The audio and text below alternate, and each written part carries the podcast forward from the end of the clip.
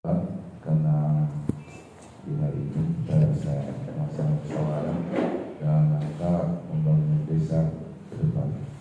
Salam serta Bapak dan Ibu sekalian uh, dalam rangka konstitusi ini ada beberapa hal yang mungkin perlu kita ingatkan kembali karena kami dari kecamatan ditugaskan oleh bupati oleh aturan sebagai pelaksana monitoring dan evaluasi, mengawasi, membina desa yang ada di wilayah.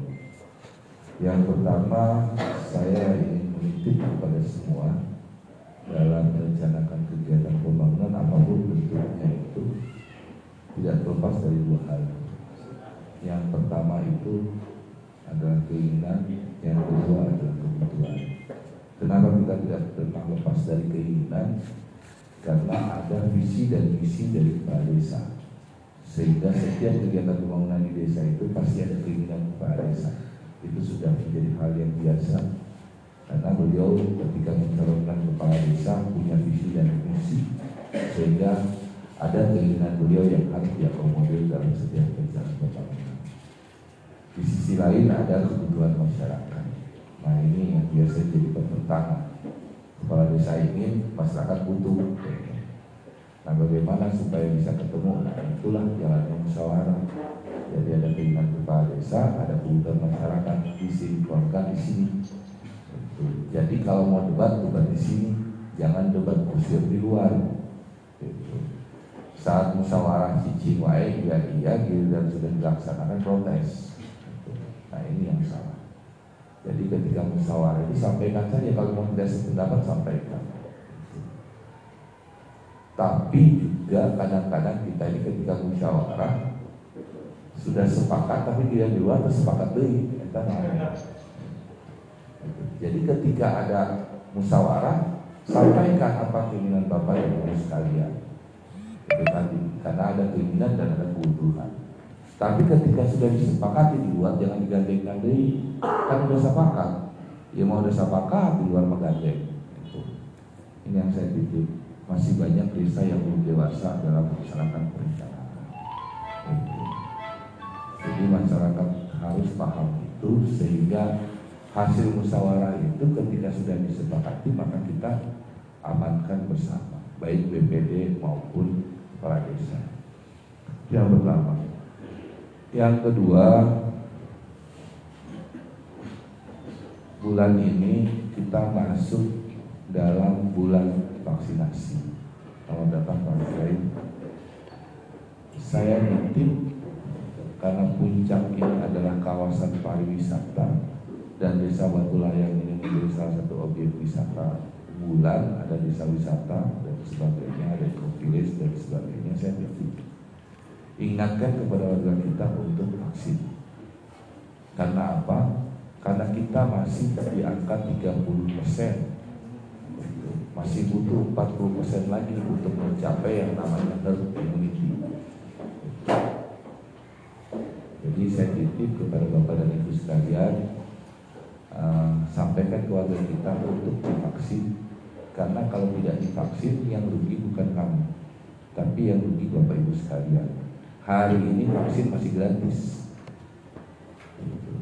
Sudah ada wacana tahun depan vaksin itu berbayar. Dan vaksin itu tidak murah. Pemerintah mensubsidi vaksin buat, buat satu orang itu dengan nilai yang cukup tinggi. Apalagi kalau pakai Pfizer, itu paling mahal harganya. Jadi mumpung gratis, manfaatkan.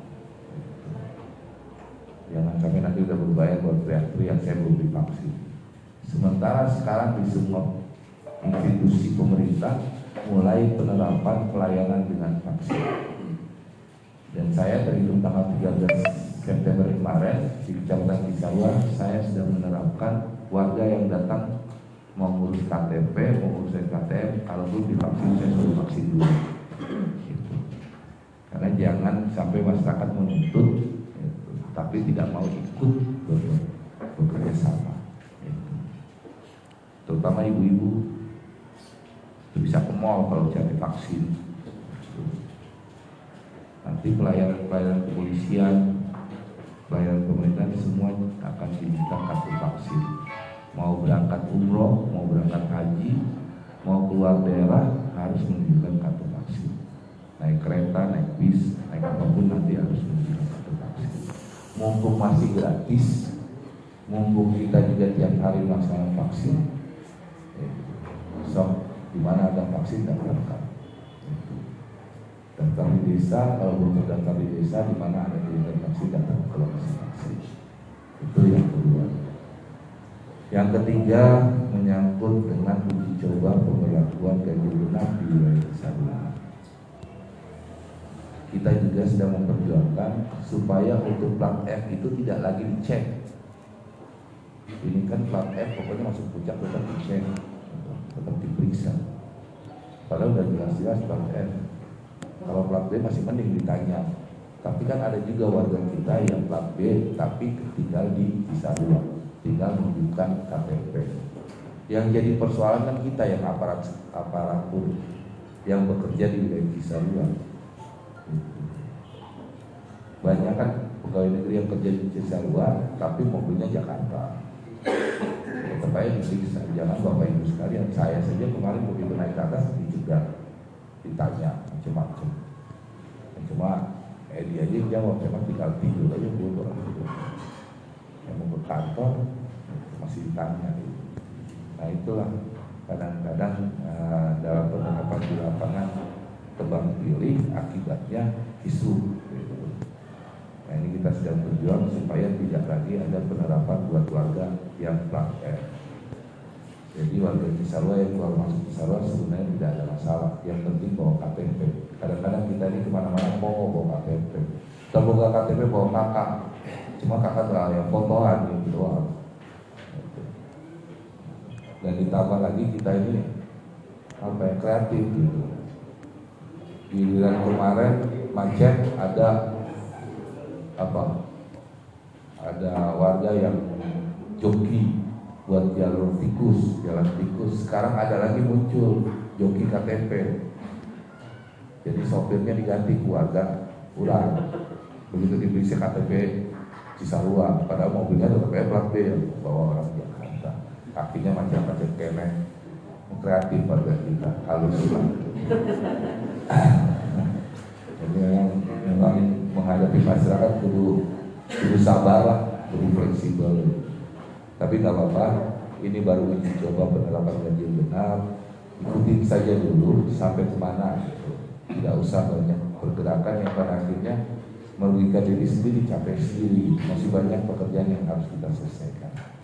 Itu yang kedua. Kemudian yang keempat menyangkut menyangkut masalah pembangunan Sebab dalam perencanaan musyawarah ini kembali lagi saya ingatkan direncanakan dengan baik, dilaksanakan sebesar-besarnya oleh masyarakat kita dengan kelola itu. Karena program kita 2022 itu salah satunya adalah pemulihan ekonomi. Jadi rencanakan yang baik yang sekiranya akan melibatkan tenaga lokal. Itu. Jadi warga kita bisa ikut bekerja dan punya penghasilan dari kegiatan pembangunan yang dilaksanakan di desa. Kemudian saya titip untuk setiap kegiatan pembangunan yang di pembangunan di desa tidak lepas dari salah, tidak luput dari koreksi. Silakan lakukan koreksi melalui aturan yang benar. Kalau memang ada yang mengkoreksi, tidak usah berperan. Udah biasa. Yang namanya pemimpin itu ada yang suka dan ada yang tidak suka.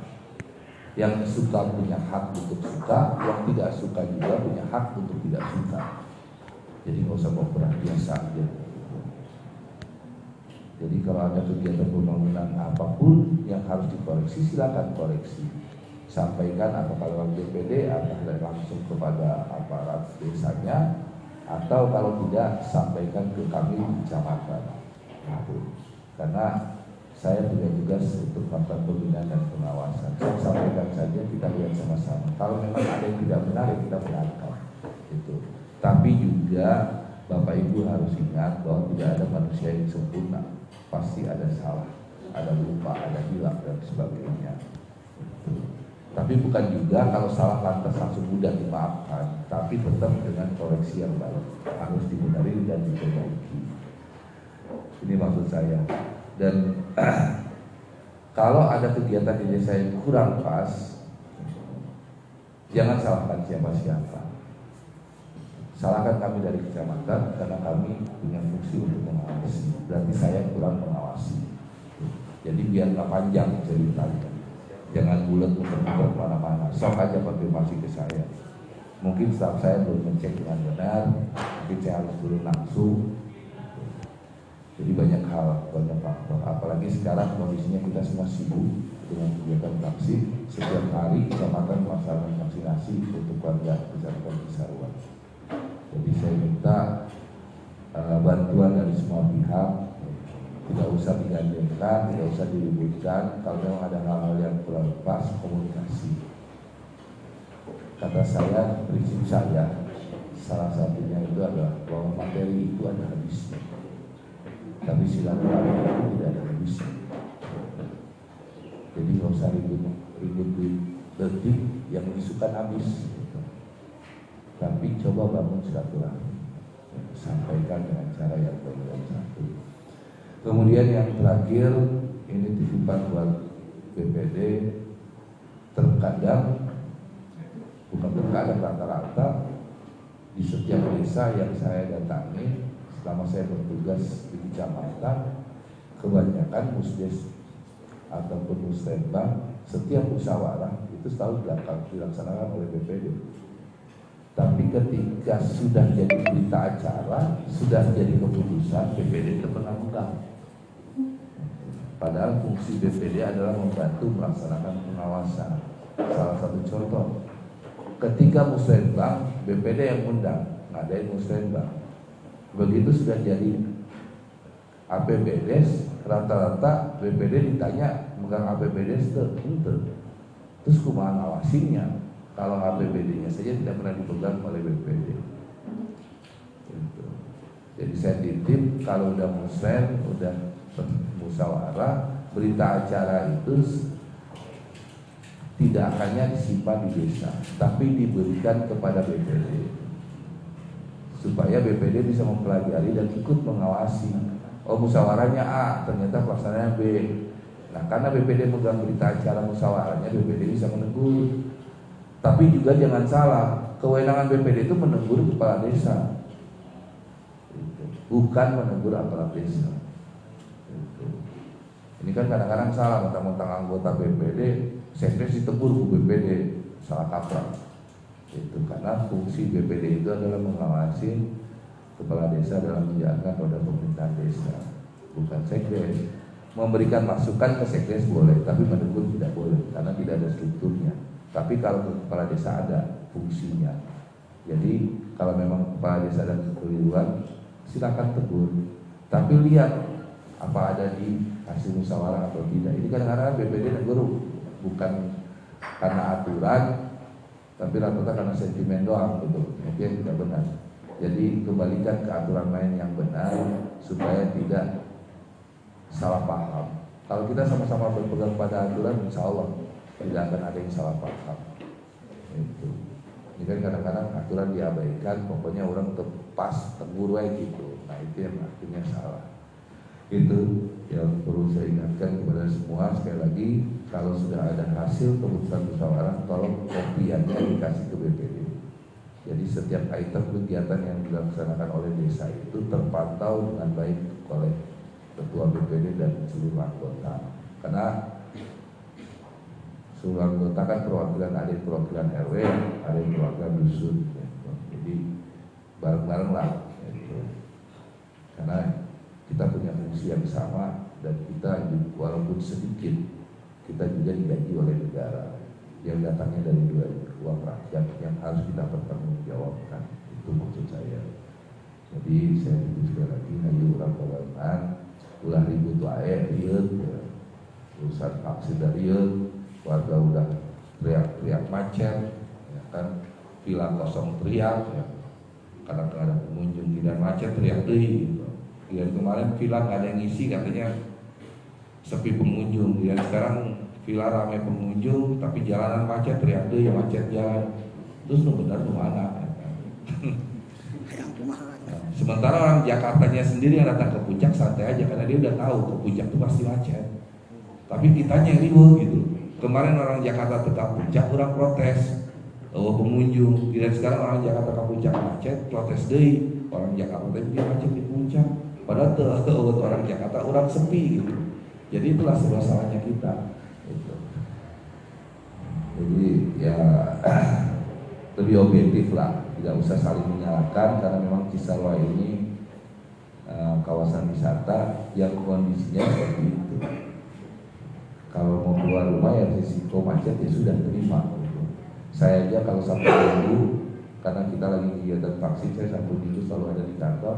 Kalau macet ya saya terpaksa naik motor, tidak harus bergantung sama mobil. Bahkan kalau bukan saya jalan kaki. Nah, kita ini kadang-kadang suka terlalu dimanja. Biasa naik angkot akhirnya maksain naik angkot. Kalau udah tau macet. Udah gitu angkotnya panas di dalam mau, melewat apalagi ibu-ibu tak udah diangkot macet panas gitu mau cek lain lah ya macet orang Jakarta tak bikin macet. Padahal udah butuh orang Jakarta kadil kan ya kan balik-balik. Ya itu aja uh, yang perlu saya sampaikan uh, saling mengingatkan, saling mendoakan mudah-mudahan apa yang kita ikhtiarkan dalam pembangunan di desa Batu Layar dapat ridho dan berkah dari Allah Subhanahu wa taala. Bapak Ibu juga diberikan kemudahan dan kesehatan. Saya tutup. Assalamualaikum warahmatullahi wabarakatuh.